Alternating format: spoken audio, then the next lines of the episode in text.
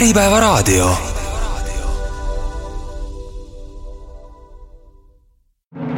eetris on Estonian Business School, ettevõtlusmaailma edulood ja värskeimad trendid. tere päevast! Te kuulate Äripäeva raadiosaadet, eetris on Estonian Business School. seekord on külas läbirääkija ja vandeadvokaat, mediaator.ee tegevjuht ja EBS-i õppejõud Ilona Nurmela. mina olen saatejuht Liis Amor. Tervist! tere! no teil on aukartust äratavalt palju ameteid ja te töötate ja olete töötanud mitmes eri kohas. ma hakkan siis lugema, olete professionaalne läbirääkija, lepitaja, nõustaja, mediaator.ee tegevjuht, EBS-i õppejõud, Fort Legal vandeadvokaat, enne eraettevõtlusega tegelemist töötasite ka mitmetel juhtivatel kohtadel, näiteks ettevõttes Tallinna Vesi, kus alustasite õigusteenistuse osakonna juhina ja lõpetades börsifirma juhatuse liikme ja üldnõunikuna. lisaks olete Nasdaq OMX börsiettevõtte endine nõunik ja juhatuse liige ja te kirjutate veel kõige sellele lisaks muinasjuturaamatuid täiskasvanutele ja seda Sky Sommers nimelt. kuidas te jõuate no äh, hunt kriimsilmadel ongi nagu mitu ametit, eks ju, et aga, ja elu peab põnev olema, aga tegelikult jõuab seda kõike äh, siis, kui väga prioritiseerida, kui on toetav taustsüsteem pere näol ja kui vaadata, mida oma ajaga teha, et mida sa tegelikult tahaks teha. Sellepärast, et kui, kui mõelda, siis ma vandeadvokaadina hetkel olen peatatud, samal ajal kui ma olen äh, ühes börsiettevõttes poole kohaga õigusnõunik ja mis tähendab seda, et mul on pool aega, ehk siis pool nädalat on aega teha oma eriprojekte ja oma eraprojekte, ehk siis kõiki neid nõustamisi ja läbirääkimiste koolitusi ja raamatute kirjutamisi ja ja, ja muidu nagu kihvti elu elada. kas see to-do list on äh, väga suur, väga pikk? To-do list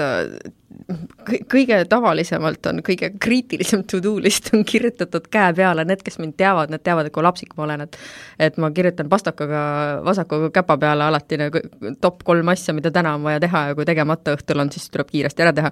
aga muidu on to-do list on telefonis ja tegelikult on seal kuupäevaliselt on väga ilusasti vaja, vaja ja, ja võimalik näha, et, et mida millal vaja teha on, et, et asjad joonel oleksid. aga muidu on pikad küll. No hästi äh milline neist ametitest on teile kõige enam meeldinud mm. või meeldib? selles mõttes, et nad on jah, nad on, nad on praegu siiamaani ju kõik olemas äh,, aga mulle meeldivad nad kõik, ma olen ahne. ma ei, ma ei suuda valida, et loomulikult on päevi, kui on äh, natukene nii-öelda raskem midagi välja mõelda või natukene ei tahaks teha õigustööd või aga ma fännan kõiki neid asju, ega ma muidu neid ei teeks aga kui, kui nagu küsida, et mis on nagu täiesti selline, et ilma mil-, ilma milleta mina ei oleks mina, siis äh, võib-olla kirjutamine. Kui palju neid raamatuid on ilmunud juba, muinasjutte täiskasvanutele? Üks on e-raamat ja praeguseks on ilmunud kaks paberraamatut, kolmandat ma kirjutan, ilmub sellel aastal ja neljas paberraamat ilmub järgmisel aastal, seda ma ka kirjutan, nii et ja ma, ma loodan, et veel mõni tuleb veel pärast seda. kust äh, raamatu jaoks inspiratsiooni ammutate? Oi, päris elust. Ja mul on selline sõge kujutlusvõime ka, et äh, ma võin istuda kuskil kellegi, äh, kellegi kohvikus kõrvallauas ja kuulata põnevaid vestlusi ja mõelda, et oh, issand, kui kihvt oleks, kui nagu ma ei tea, kaks tulnukat räägiksid nagu sellist vestlust või nagu oo, et, et nagu punamütsikene on täpselt nagu, täpselt sellise mõttemaailmaga et reaalsest elust ja nagu oma perest ka natukene siit ja, ja teist ja oma, oma mõistlikumatelt ja vähem, vähem hulludelt ja rohkem hulludelt sõbrannadelt ka, nii et selles mõttes, et inspiratsioon on kõik meie ümber ju. ja kuidas siis neid muinasjuttudeks saab nimetada, kas need on siis nagu sellised lood päris elust või, või te panete need ikkagi sellisesse muinasjutulisse vormi, kas muinasjutt peab lõppema ilmtingimata hästi? Äh, vot minu muinasjuttude puhul ongi see, et inimestel on valida, kas nad on optimistid või pessimistid, missugust äh, lõppu nad loevad. sellepärast, et mul on tavaliselt raamatutes kaks erinevat lõppu. aga muinasjutt kui selline on vorm, ehk siis kui sa lapsepõlvest mäletad, siis me ju lugesime, siiamaani loeme ka oma lastele erinevaid põnevaid muinasjutte, noh, Grimmid on natukene Grimmid, aga aga kõik need äh, Perrault tuhkatriinud ja kõik muud asjad, siis äh, kui sa loed, siis äh, see on mõistujutt, mis õpetab sulle natukene elu ja muuhulgas mõnikord ka veidikene hoiatussilte, eks ju. ja ja muinasjutt täiskasvanutele selles mõttes, et äh, see on selline mitte päris nagu naiivses vormis, aga tänapäeval sellist äh, nii-öelda sõimu või, või seksi või mingit muud asja nagu sellistes asjades ei ole, aga on rohkem suhteid ja on rohkem nagu maailma lahtimõtestamisi ja võimalusi ja ja kuidas inimesed mingisuguste asjade peale reageerivad ja kuidas teised reageerivad teistmoodi ja ja pigem nagu see, nii et see näiteks, mida ma praegu kirjutan, see on Pöial-Liisi ümberjutustus, sest äh, kui mina lugesin Pöial-Liisit lapsepõlves, ma mõtlesin alati, et issand, kui kihvt, et nagu asi nagu nii hästi lõppes. Ja praegu, kui ma loen oma pojale raamatuid, siis ma mõtlen, et aga siin on ju täiesti mingi kidnappamise teema ja ja siin on tegelikult mingisugune allumatuse teema ja siin, et mis mõttes, et tahetakse, et ta nagu koristaks ja küüriks ja teeks mingit muud sada asja, et ja siis kuskil on mingid lüngad, et, et kust see pääsuke sinna üldse sai ja nii edasi, et et siis ma, siis ma mõtlen nagu neid asju läbi ja siis täidan need tühimikud sellega, mida täiskasvanud inimene tänapäeva maailmas võiks sinna vahele mõelda. nii et selline alternatiiv muinasjutt no eh, mida teie EBS-is õpetate? EBS-is läbirääkimisi Bimbadele ehk siis Business Innovation Streamile sellel aastal küll ei saanud kursust kokku, aga eelmisel aastal ja üle-eelmisel aastal oli kolmepäevane läbirääkimiste kursus ja praegustele MBA-dele sellel,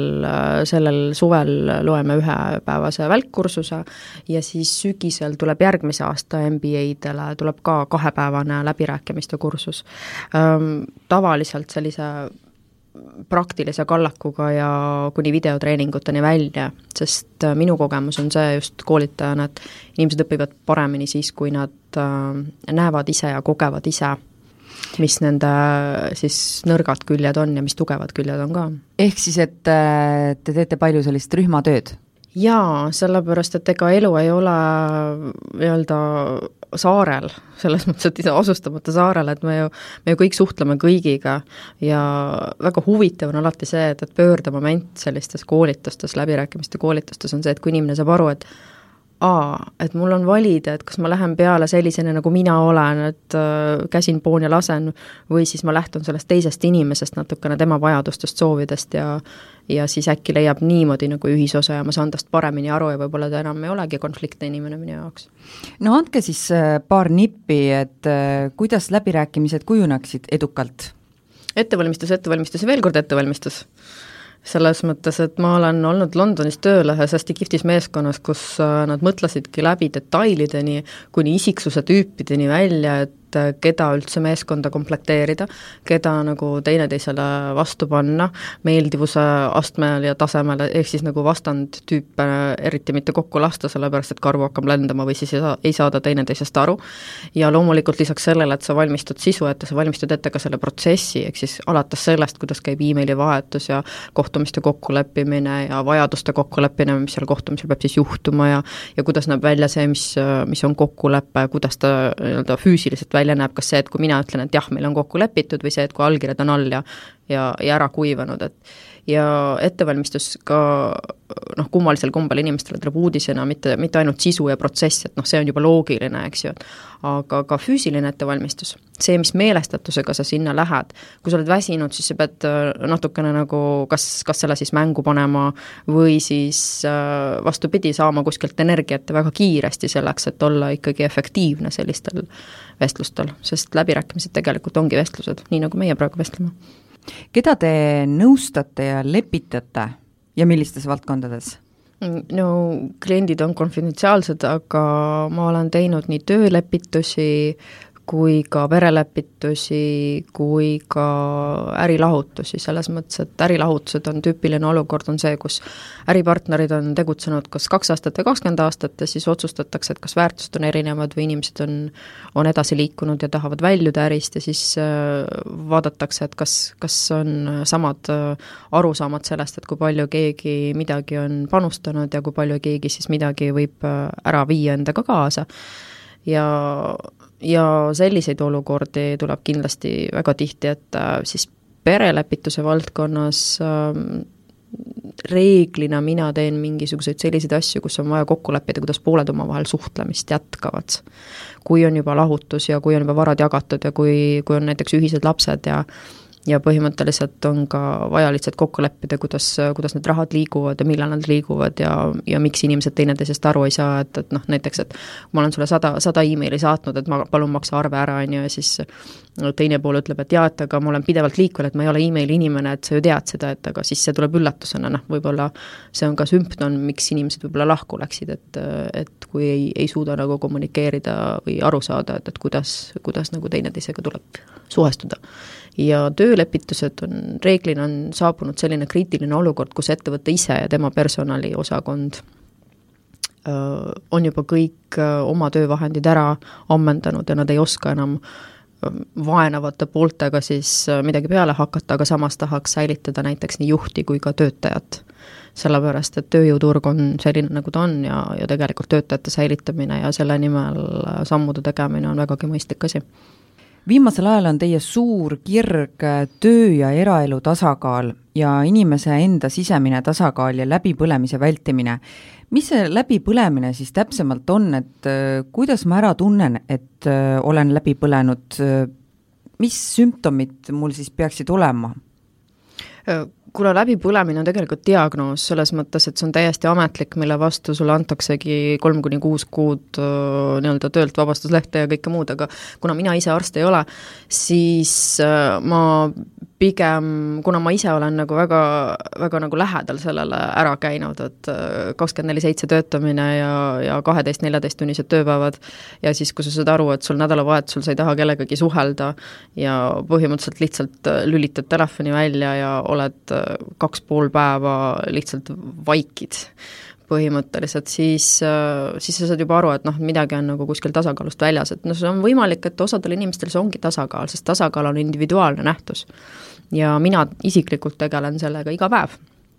Sest selle... võib-olla tõesti on ju nii, et inimene nädalavahetusel siis tahabki omaette olla ja puhkab siis ka ühtlasi välja järgmiseks jaa, just, sellepärast, sellepärast et noh, ta ongi nagu võimalik, et, et äh, inimese need energiasööstud on sellised sinusoidsed, et äh, kui sul on hästi palju energiat, siis sa lähed ja kulutad selle ära ja su enda valik on, et kas sa kulutad selle tööle või sa kulutad selle endale või sa kulutad selle ka inimestega suhtlemisele äh, või kas või saatesse tulemisele, eks ju. ja, ja siis, kuidas sa nagu taastad, sellepärast et inimesed on ju erinevad, et osad taastavad, taastuvad omaette vaikselt raamatuga, introverdid, sest introvertsus on tegelikult see, kuidas me oma akut laeme ja ekstravertsus on see, et noh, näiteks on seesama reede, sul on raske töönädal selja taga ja siis sa otsustad, et äh, põrgusse, mina lähen nüüd äh, pittu. Sellepärast, et mul on energiat vaja ja, ja ekstraverdid äh, saavad energiat pigem teiste inimestega suhtlemisel ja mingitest kihvtidest aruteludest ja ja, ja see taastumine on samamoodi, et, et kas sa, kas sa siis nagu paned räigelt pidu kogu nädalavahetuses ja sa oled esmaspäeval jälle, jälle siis nagu tööpostil. no millised märgid veel? Millised märgid veel, siis kui tekib apaatsus, see on juba kindlasti selline sügavam märk, kui tekib de-, depressioon juba, kui sa, kui sind ei huvita enam mitte miski.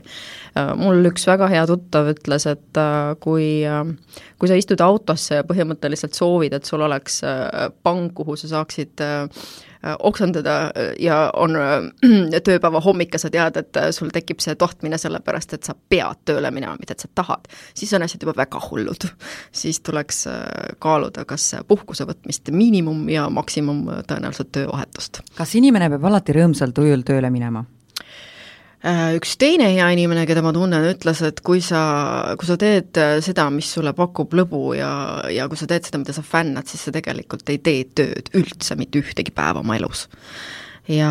tegelikult äh, jällegi lähenemisi on erinevaid, aga õnnelikumad on need kindlasti, kes teevad seda, mida nad fännavad, kui, kui neile meeldib iga päev tööle minna, on ka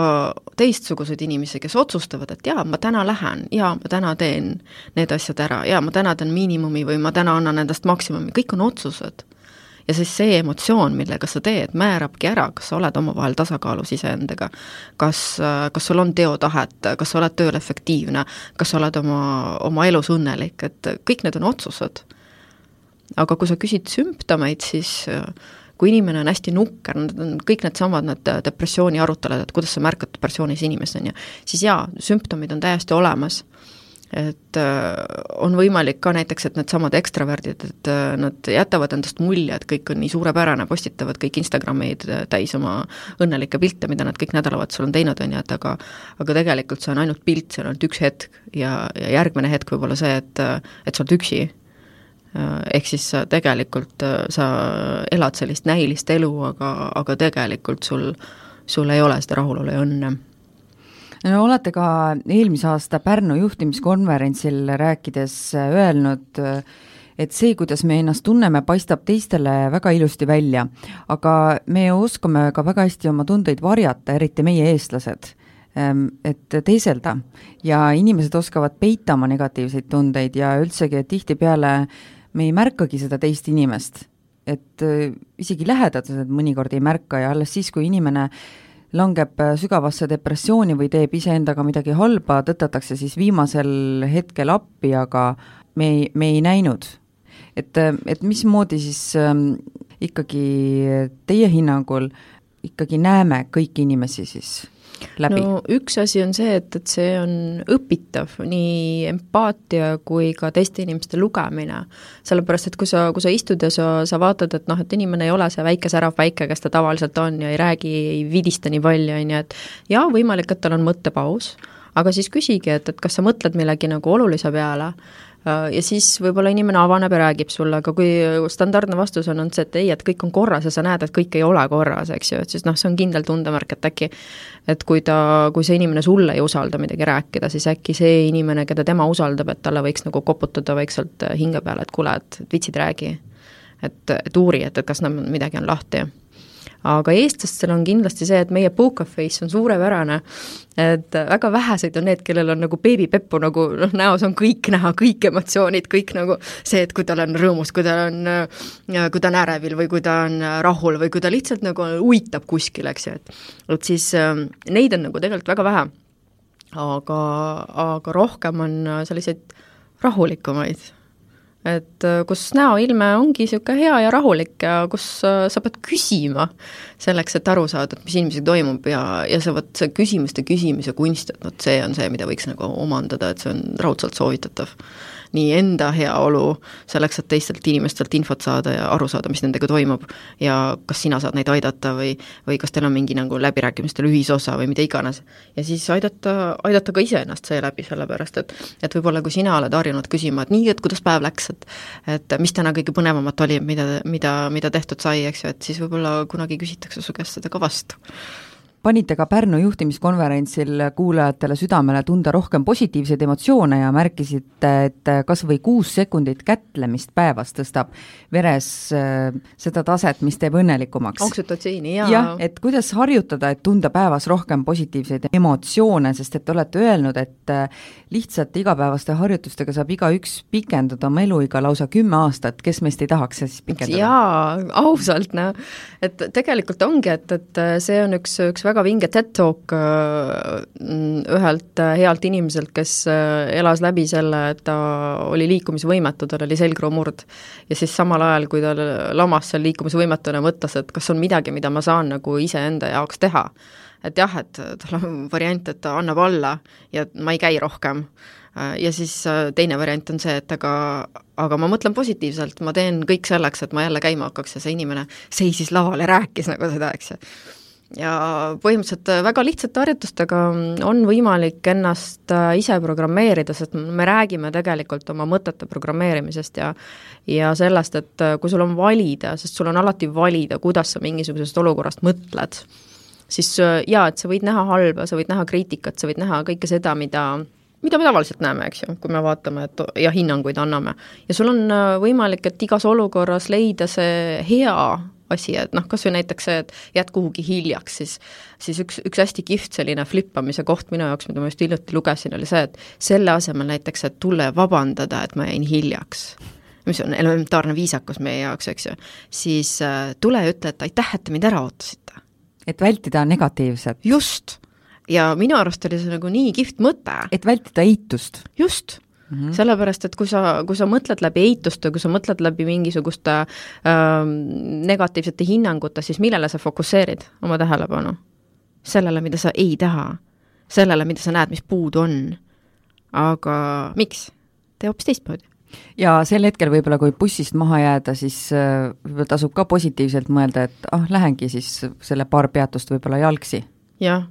et, lähengi jalgsi või, või millekski oli see hea, et ma sellest bussist maha jään. jah, äkki oleks seal bussis näinud mõnda ebameeldivat isikut näiteks. võib-olla, või äkki, kui sa jääd kuhugi kohtumisele hiljaks näiteks, et äkki äh, nad, neil on võimalus arutada midagi omavahel, mida on, vot just neil oli ilma minuta vaja arutada et, et võib-olla, võib-olla sa lood sellega kellelegi mingisuguseid võimalusi. kusjuures see käib ka inimeste aitamise ja mitteaitamise kohta, et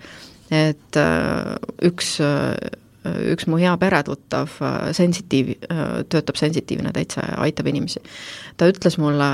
küsimuse peale, kui ma kunagi küsisin ta käest, et kuule, et, et Heiki, et see, see ju, sa ju näed inimesi tänaval, et kellel on vähk ja kellel on midagi, on ju, et et kuidas sa saad lihtsalt mööda minna, neid mitte aidata? siis ta ütles, et tead, aitamisega on selline reegel, et inimene tuleb ja palub abi, kui tal seda vaja on. juhul, kui ta ei tule ja ei palu, siis äh, järelikult on näiteks see tema õppetund, et tema peab õppima paluma abi. ja kui sina lähed ja ilma abi palumiseta kedagi aitad, siis sa võtad tema õppetunni endale ja tema ei õpi mitte midagi no me rääkisime siin ennem, äh, et kuidas siis leida töö ja eraelu tasakaal mm -hmm. ja inimese sisemine tasakaal ja läbipõlemise vältimine. kuidas siis äh, leida see tasakaal ja vältida läbipõlemist? Jällegi lihtsad nipid äh, lisaks sellele, et keskendu erinevate olukordade mõtestamisele ja, ja keskendu sellele, et, et sa vaatad ja jälgid, et kuidas sa reageerid asjadele. sest äh, isegi, kui sa reageerid negatiivselt, siis äh, kui sa ennast kinni püüad, et aa, et ma ärritasin, et issand, kui lahe, on ju, et aga mille peale ma ärritasin, et aga, aga mis selles tegelikult nagu head oli, et kui sa hakkad nagu seda ratsionaalselt läbi mõtlema ja, ja jõudma nagu sinna positiivse emotsioonini, et mis selles asjas head oli, siis lisaks sellele, et, et noh, mis aitab äh, vähemasti minul tasakaalu hoida, on tänutunne, näiteks äh, käin ujumas ja äh, ja hommikul mingisugused no nelikümmend, viiskümmend minutit ikka ujud, on ju ja kui sa, ujumine on kusjuures hästi, hästi hea variant füüsiliselt ennast maha rahustada, oma närvisüsteemi, sellepärast et sa hingad välja kaks korda kauem, kui sa sisse hingad. Ja niimoodi viiskümmend minutit järjest, et mõtle, kui zen pärast on, vähemasti minul on. siis äh, selle, sellel ajal, kui ma ujun, vähemasti kolmandik sellest ajast ma pühendan sellele, et et iga hingetõmbega, mis ma sisse hingan ja välja hingan, ma mõtlen, mille eest ma tänulik olen oma elus. ja noh, selline praktika noh, vähemasti kord, kord, kord nädalas on hea, aga kui sa teed seda iga päev, kas või üks-kaks minutit, siis see on juba midagi. sest siis sa õpid just pöörama tähelepanu nendele asjadele, mis on esiteks olulised ja teiseks, mis, mis panevad su positiivselt mõtlema ja vaatama. kas inimene võib olla ka läbi põlenud siis, kui ta äh, teeb äh, kaksteist tundi päevas näiteks tööd, rabab äh, teistest rohkem, aga seejuures on ise õnnelik ja rõõmus kas ta võib siis olla ka läbi põlenud? Ma arvan, et kui ta on ise õnnelik ja rõõmus, siis äh, pigem mitte, mul oli äh, eelmisel nädalavahetusel Pariisis ühe, ühe hea tuttavaga vestlus just sellest, et äh, Pariisis on ühes heas advokaadibüroos advokaadid otsustanud, kes just tulevad kuskilt just ülikoolist, et et esimesed kolm-neli aastat nad, nad pühendavadki kaksteist tundi päevas sellele, et nad teevad tööd, neil muud elu ei ole. ja nad on jumala chill ja nad on jumala õnnelikud aga see on lihtsalt see, et nad on teinud selle otsuse, et need kolm aastat või neli aastat ma investeerin sellesse, et mu CV-l oleks see konkreetne asi, see konkreetne büroo, see konkreetne töökogemus selles tiimis. Ja, ja ma muud ei teegi ja ma tulen võib-olla natukene hiljem hommikul tööle ja teen võib-olla õhtul üheteistkümneni tööd aga ettevõte toidab mind ja äh, elu elamata ei jää, selles mõttes, et nädalavahetusel ka mõnikord tehakse tööd, aga aga noh, magada jõuab äh,, eraelu jõuab ka elada küll, võib-olla Tinderis, aga aga ikka jõuab, on ju, ja, ja põhimõtteliselt inimesed on lihtsalt otsustanud, et jah, et see on väga, väga töömahukas ja ajamahukas, mis ma praegu teen, aga praegu ma teen seda hiljem on mul otsustuse koht, et mida ma nüüd teen, kas ma jätkan samas tempos või mitte aga kui rääkida läbipõlemisest, siis seal on nagu tegelikult kaks asja, et noh, ajaliselt on öeldud, et äh, kui sa teed sellise tambiga tööd ja üritad rööprähelda eraelu ja, ja nagu noh, eriti kui sul on pere ja lapsed ja nii edasi, et, kogu sellel nagu rindel, siis sa, sa jõuad, sa jõuad seda teha maksimum kaks-kolm aastat. ja kui sa siis midagi ei muuda, siis sul tekib selline frustratsioon sest teine aspekt sellest läbipõlemisest on see emotsioon ja seal tuleb see nii-öelda äh, pange autosse istumise näide juba, et, et kui sul jõuab nagu see emotsioon sellise negatiivsuse astmeni, et, et sul on füüsiliselt paha, et sa pead kuhugi minema ja ennast sundima midagi tegema, siis on suhteliselt lähedal. kas teie olete seda tundnud? jaa, muidugi sellepärast hakkasitegi teemat uurima? Äh, oi, ma olen seda teemat uurinud juba kaua ja, ja teiste inimeste näitel, sest noh, targad inimesed õpivad teistelt, aga aga ise oled ka seal lähedal äh, nii-öelda piiril ära käinud ja nuusutanud seda ja kui ei meeldi, siis ongi, siis on täpselt otsuse koht, sest äh, sest inimese alalhoiuinstinktid ikkagi nagu peaksid toimima. aitäh, me teeme siia saatesse väikse pausi ja me oleme varsti tagasi tere tulemast tagasi kuulama Äripäeva raadiosaadet, eetris on Estonian Business School. seekord on meil külas läbirääkija, vandeadvokaat, mediaator.ee tegevjuht ja EBS-i õppejõud Ilona Nurmela. mina olen saatejuht Liis Amor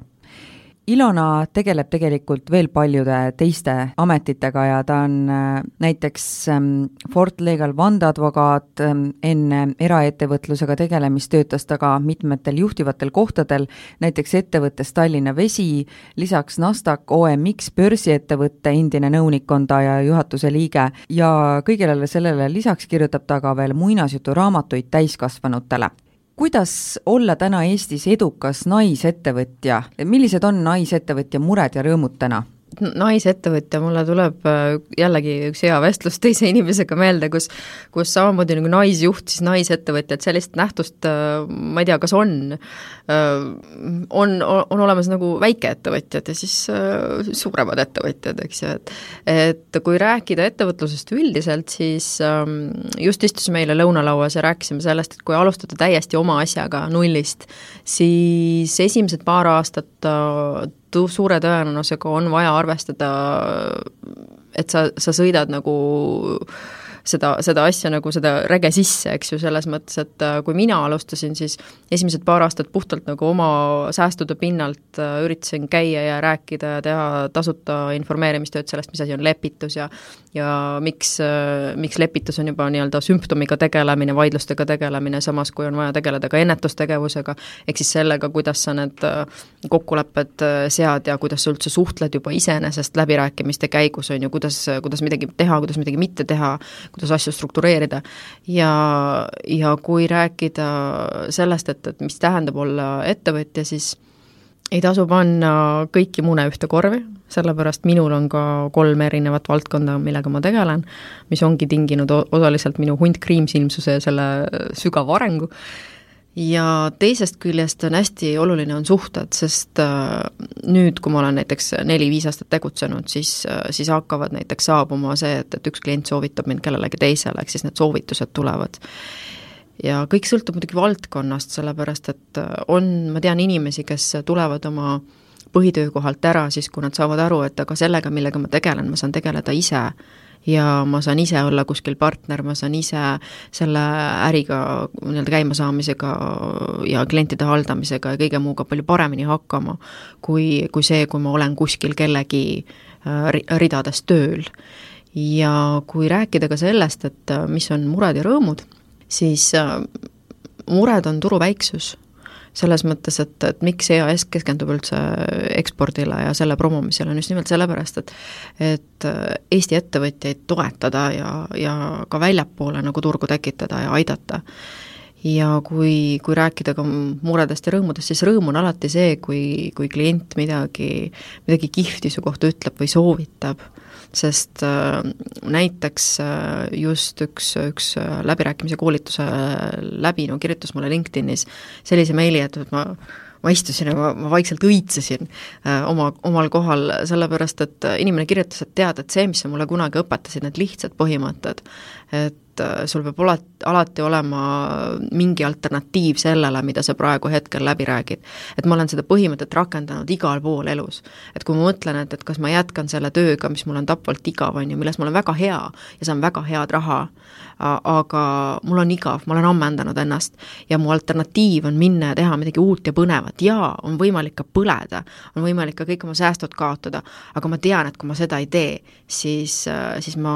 kahetsen seda hiljem. ja ja, ja selle lihtsa põhimõttega, et, et mis on alternatiivid, on ju, kui et äh, inimene kirjutas mulle, et ta on opereerinud alates sellest, kui, kui meil see koolitus oli ja ja ta on praegu õnnelikum inimene tänu sellele. et ka nüüd eraettevõtja siis ettevõtete juhtide seas peaks olema Euroopa standardite järgi ideaali kohaselt võrdselt naisi ja mehi. mis te arvate, kaugel on Eesti sellel teel ja kuidas peaksid naised ennast rohkem kehtestama? No Eesti on teadaolevalt äh, nõrgal kohal sellel alal, sellepärast et jaa, naisjuhte on, aga jällegi, et, et äh, ma olen Katre Kõvaskiga nõus, äh, ühe hea tuttavaga, kes ütleb, et naisjuht, et sellist asja ei ole olemas, on olemas juhid. ja, ja tegelikult äh, kui nüüd küsida väga sügavalt isiklikku arvamust, siis mina ei poolda seda, et neid kohti täidetakse viiskümmend, viiskümmend lihtsalt äh, sookvoodi alusel. sellepärast, et see avab äh, jällegi avab võimalused kuritarvitusteks, sellepärast et noh, et et mis see sulle annab, kui sul on näiteks pooled nõukogu liikmed, sest me räägime eelkõige nõukogust, mitte juhatustest. et kui sul on pooled nõukogu liikmed on mehed ja pooled on need naised, kes on lihtsalt sinna linnukese jaoks pandud sul on kaks inimest kohe vähem, noh, kui on näiteks neljaliikmeline nõukogu, on ju, sul on kaks inimest kohe vähem, kes tööd teevad, kes nagu reaalselt peaksid strateegiliselt mõtlema, kes peaksid panustama ettevõtte nagu arengusse ja innovatsiooni ja ja sellesse, et ettevõttele hästi läheks, on ju, kui sa teed lihtsalt seda linnukeste pärast, siis sa teed seda täiesti valedel alustel ja mina isiklikult pooldan ja ma tean väga paljusid naisjuhte, kui rääkida nagu sellest kategooriast, on ju, ma tean väga paljusid naisjuhte, kes on oma ala spetsialistid, kes on suurepärased strateegid, kes tegelikult on täiesti õiges kohas nii juhatuses kui ka nõukogus. ja need on need inimesed, keda on sinna edutatud põhjusega. aga see peaks kehtima nii meeste kui naiste puhul, seal mina vahet ei teeks no Eestis on Euroopa Liidu suurim meeste ja naiste vaheline palgalõhe ja Sotsiaalministeeriumi uue eelnõu kohaselt plaanitakse aastaks kaks tuhat kakskümmend käivitada palgalõhe spidomeeter. see aitaks siis ähm, analüüsida ettevõttes olevat palgalõhet ja vähemalt kümne töötajaga ettevõtted peavad hakkama seda auditit, võrdse palga auditit tegema, mis esialgu ei puuduta küll erasektori firmasid ma küsiks, et kas, mida teie arvate, kas see on selline mõistlik eelnõu või kindlasti tahetakse head, sellepärast et no kellele ei meeldiks, kui, kui kõik saaksid võrdväärse asja eest võrdset palka, eks ju. sellepärast, et ärgem unustagem, et kui inimesed teevad erinevat tööd samal kohal, siis on põhjendatud, et nad saavad erinevat palka samas kui me räägime eelkõige riigiettevõtetest, siis ma tean, et seal on ajalooliselt välja kujunenud teatud süsteemid, mida ei ole ammu võib-olla üle vaadatud noh, kui me räägime riigiettevõtetest, mitte ainult ametnikest, siis äh, võib-olla selline spidomeeter võimaldab neil oma palgasüsteemi ümber vaadata ja midagi õiglasemaks teha ja noh, tegelikult see ongi alus, et meil ongi põhjus nüüd midagi üle vaadata ja me nüüd seda ka teeme. Eraettevõtete aspektist äh, on väga hea, et nad on välja jäänud, sellepärast et mina jällegi, minu kogemus on see, et eraettevõtetes on suhteliselt see ebavõrdsus, kui üldse eksisteerib minu kogemus jällegi, teiste kogemus võib olla teistsugune. ma tean ka ettevõtteid, kus, kus naisjuhid saavad rohkem meesjuhtidest juhatuse liikmetena, lihtsalt sellepärast, et nemad panustavad rohkem ja seda panust hinnatakse numbriliselt äh, väärikalt. milline teie enda tavaline tööpäev on? sellist asja nagu tavaline tööpäev mul ei ole ma, ma võin öelda, et kronoloogiliselt esmaspäev, teisipäev, kolmapäev ma olen hommikul kaheksa kolmekümnest õhtul kella neljani olen äh, ProCapitalis, olen äh, õigusnõunik ja tegelen seinast seina asjadega, mis iganes lauale tuleb. ja loomulikult on to-do listid ja loomulikult on prioriteedid, mis mingisugusel ajal tehtud saab, tähtaegadega arvestades ja kõike muud äh,, samas teine tööpäev võib hakata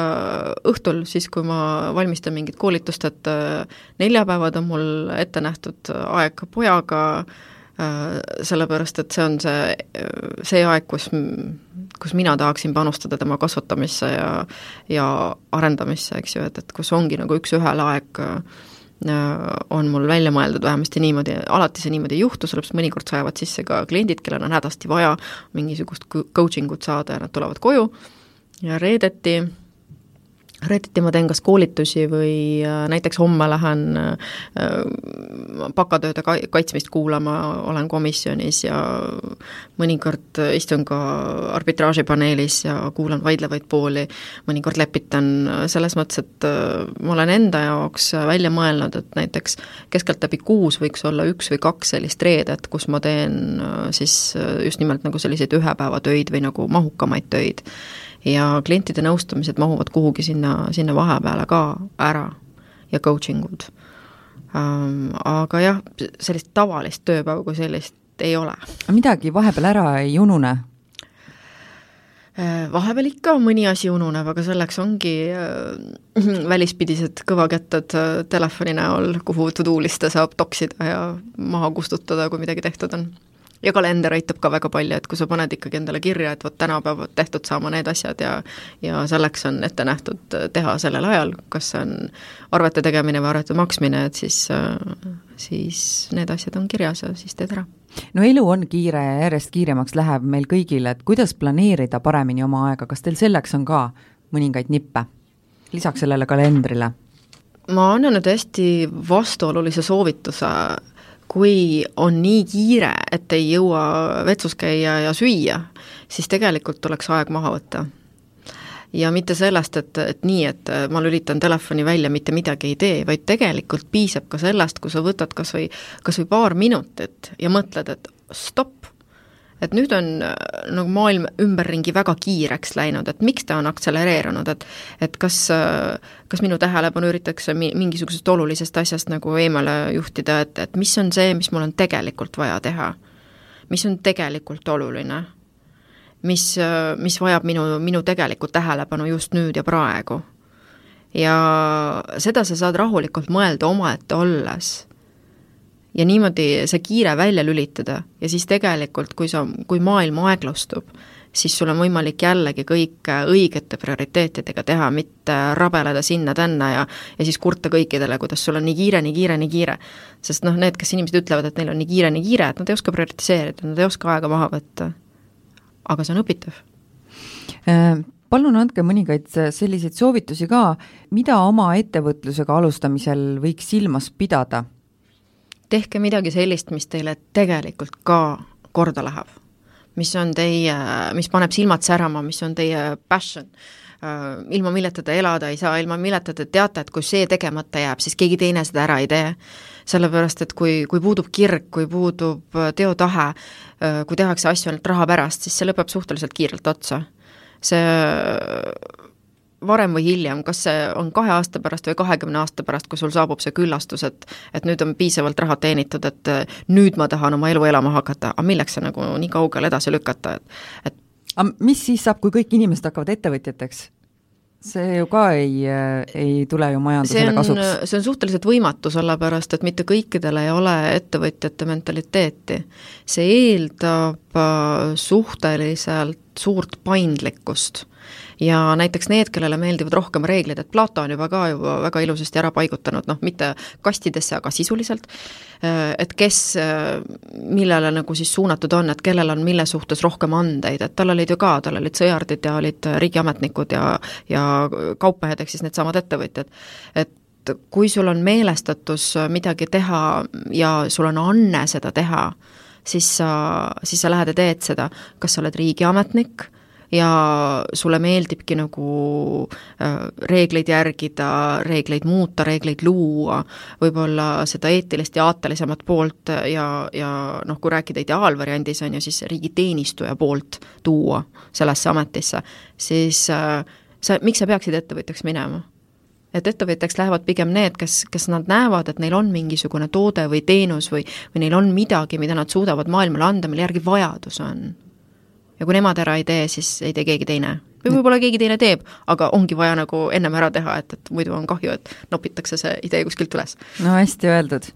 kas te oskate ka öelda, millised ametid ettevõtluses ja millised ettevõtluse vormid võivad üldse tekkida tulevikus? no võtame näiteks mingi kümne või kahekümne aasta pärast see on, see on hästi põnev küsimus, sellepärast et olen, olen mõelnud ja olen arutanud ka rohkem futuristlike inimestega siis ettevõtlaste teemadel ja ja tegelikult on mõte suundumas sinna, et lähtuvalt sellest, kuidas meil praegu hakkab juba see tööjõuturg kujunema, seda, et meil on töövõtja turg, mitte tööandja turg, äh, ja järjest rohkem tuleb äh, kas X, Y või mis iganes nagu generatsiooni peale, kes dikteerivad, kuidas nemad tahavad tööd teha, ja sellest lähtuvalt on hästi palju hakanud mm, erinevad ettevõtted omavahel ka äh, ajusid jagama. ehk siis ma arvan, et, et lähima kümne aasta jooksul kaob ära ettevõtluse standardne või, või nagu selline formaliseeritud vorm, et pigem ma ei ütle, et kõik muutuvad startup ideks, sellepärast et noh, riigiettevõtted on riigiettevõtted, seal on natukene teised reeglid ja äh, korruptsiooni ja kõige muu äh, osas, aga järjest rohkem ja rohkem hakatakse ilmselt tegema mingi selliseid special purpose vehicle'e, kus moodustataksegi üheks kindlaks projektiks üks kindel mm, töökogum, ajude kogum, raha, vara kogum, on ju, mis peab mingisuguse asja ellu tooma. ja pärast selle ellu toomist on vägagi võimalik, et see ettevõte lõpetatakse ära või moodustatakse järgmine ja uus ja, ja niimoodi on võimalik nagu erinevate ettevõtete omavahelisi ajusid jagada ka, sellepärast et kui sul on juba aastal kakskümmend kakskümmend on meil natukene tööjõupuudus ja kui me sisse nagu kedagi ei too ajudena, äh, siis, äh, siis me peame nagu õppima seda, et, et kuidas kuidas üks inimene ja, ja kuidas see on okei okay,, et üks inimene teeb erinevatele ettevõtetele tööd, IT-s on see praegu väga levinud juba Nad, nad võivad olla kuskil formaalselt tööl, aga aga nad ikkagi teevad erinevatele ettevõtetele erinevaid projekte, teevad rahulikult koos, nemad ei näe, et, et see on konkurendile tegemine, on ju, see on põnev projekt, on ju, ja loomulikult see peab tehtud saama. et nagu see on, see on idee, mida tasub teha. no ja samas siis... üks ajakirjanik ei saa mitmele meediaettevõttele tööd teha. aga miks mitte? No see on äh, tegelikult konkurentsireeglite rikkumine. jaa, konkurentsireegleid siis tuleb hakata ilmselt ka üle vaatama, kui ettevõtlus areneb natukene teistsuguseks. sellepärast, et noh, kõik need konkurentsikeelud, et kui sa töötad meil, siis sa konkurendi juures ei saa töötada võib-olla veel X aastat pärast seda, kui sa meilt lahkud ja see puudutab ka reatöötajaid ja see puudutab ka juhte ja nii edasi, et, et noh, et need on äh, Need on, ma ei ütle, et nad on iganenud mõisted, sellepärast et nad on tänapäeval ikka veel olemas, aga suure tõenäosusega tulevikus me hakkame nagu nendest äh, kuidagiviisi teistmoodi aru saama, tõlgendama äkki ka vabanema siis, jah? vabanema ja kokku leppima teistmoodi, et et juhul, kui sa töötad näiteks selles samas special purpose vehicle'is, äh, kus meil konkurendiga on asi ja siis tuleb noh, vaadata ka neid Euroopa Liidu konkurentsireegleid ka, et, et et ei oleks, ei oleks rikkumist, on ju, et et spetsiifilistel eesmärkidel mingisuguse projekti, millel on suurem avalik huvi, avalik mõju, et et selliste nagu ellusaatmine või ellu tekitamine, et et see oleks nagu lubatud käisite ka ühel heategevuslikul konverentsil rääkimas sellest, mis on karjääri ehitamine ja kas seda üldse on vaja ehitada? et valgustage pisut seda ka jaa, see oli Ladies Circle heategevuslik konverents, kus äh, põhifookuses oligi tasakaal just, äh, just äh, töö ja eraelu tasakaal siis ja räägiti, rääkisid eksperdid paneelides, olin, olin paneelis ja rääkisime väga erinevatest aspektidest ja kõik läbi kogemuse ja, ja me jõudsime sinnani, et noh, karjäär jällegi samamoodi nagu tasakaal on individuaalne mõiste, et kas või minu CV-d äh, vaadata, siis mulle on väga paljud inimesed on öelnud, et et sul on selline karjäär, et, et miks sa sellest nagu lahti ütlesid, et et eraettevõtjaks läksid, on ju. aga minu jaoks on see kõik orgaaniline, see kõik on loomulik areng. ehk siis ma ei oleks praegu siin, kui ma oleks kõike seda läbi teinud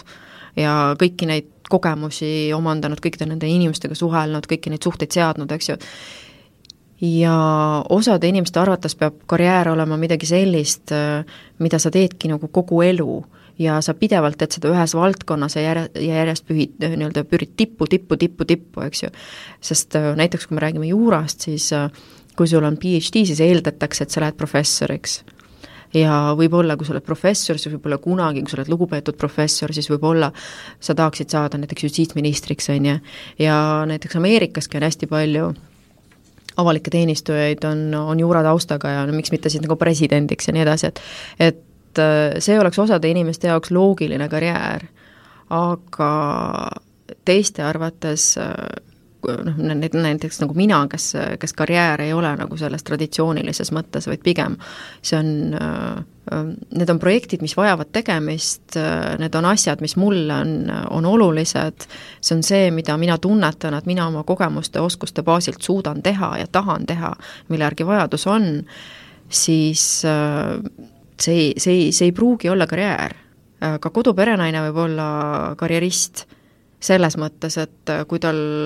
kui tal kõik kodus jookseb, äh, tal on viis last, kõik on õnnelikud, kõik on toidetud, ta tegeleb oma hobide ja huvidega, ta näeb hea välja, mees on õnnelik, selles mõttes, et ja, ja mitte keegi ei heida talle ette, et kuule, millal sa ükskord tööle lähed, mida meil paraku mõnikord tehakse. aga tema võib seda näha ka karjäärina, et, et aga kõik äh, tema töö on ju tehtud, selles mõttes, et et see, see mentaliteet, et kui sa äh, kui sa oma annetega või oma taustaga ei tee seda, mida ma eeldan, et sa peaksid tegema või ühiskond eeldab, et sa peaksid tegema, et et siis sa oled läbi põlenud või, või nagu metsa läinud või, või nagu äh, ma ei tea, failanud või noh, mida iganes, on ju, siis ma nagu hästi, hästi seda ei toeta. meil on nüüd saateaega hakanud otsa saama, suur tänu EBS-i õppejõud ja, ja tegelikult hunt Kriimsilm, kellel on nii palju ameteid, Ilona Nurmela stuudiosse tulemast. Aitäh kutsumast! ja te kuulsite saadet, eetris on Estonian Business School. äripäeva raadio